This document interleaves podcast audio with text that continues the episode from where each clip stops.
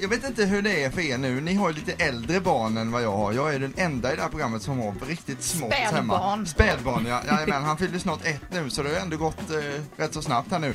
Men då undrar jag, när man är en hårt arbetande pappa som jag är nu då va? Ja. Då har man ju inte riktigt samma kontakt med sitt barn som mamman som är hemma då för samhället är uppbyggt som det är och så.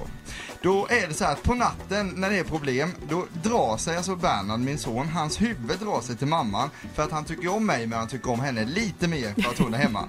Vad får då jag som tack för detta? Jo, jag har tre saker att se fram emot.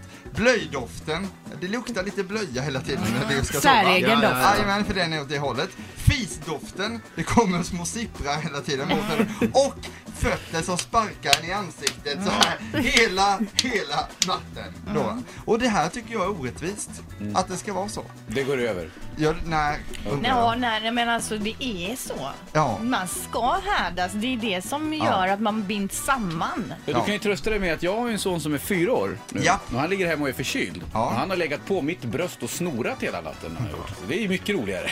Men att Bernhard sparkar dig i huvudet är hans sätt att eh, säga att han tycker om Ja. dig. Han älskar dig, Erik. Det planar Exakt så är ut, det. Erik. Du, så planar det ut. eh, hur länge sedan var det eh, eh, du blev sparkad i huvudet utan någon där hemma, eh, Pippi? Eh, det var faktiskt ett tag sedan. Ja. Ja. Men det blir ju värre, det, eller värre, det blir ju andra problem när de blir äldre Erik. Så ta med dig det också, det vet vi alla andra också. Men med, eh, kommer, kommer ni ihåg hur det är att vara smått eller har ni liksom bara förträngt det nu ni? Jag har ju, jag, har- folk är ju bara fyra så jag kommer ihåg. Verkligen. Pippi, du då? Men Ja, men det är klart man kommer ihåg det naturligtvis. Men det är ungefär som när man gjorde lumpen. De här tråkiga sakerna, det kommer man ju inte ihåg. Utan man kommer bara ihåg de kul grejerna. Ja, just mm, det. precis. Nej, Den kontakten jag har med mina barn det är kan du swisha några hundra? Så blir det sen, Erik. Jag vet inte vad som är bäst egentligen. Nej. Jag vet inte om det är någon tröst i det här, men jag berättade för Peter och, och Linda det sista som hände mig i morse, eller ja, min son gick upp klockan fyra, Folke då som är sjuk, och var helt förstörd och var väldigt noga med att få sagt att pappa, när du kommer hem idag, pussa mig först. Ja. Var Ja, han tvungen att han vill säga. vara favoritbarnet Och sen där. var allting bra. Spela på dina känslor. Gå inte Ja, på men- det Fredrik. han får snora hur mycket han vill. Pappa, när du hittar telefonen sen, swisha mig först. Ett poddtips från Podplay.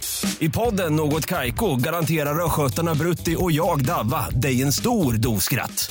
Där följer jag pladask för köttätandet igen. Man är lite som en jävla vampyr. Man har fått lite blodsmak och då måste man ha mer.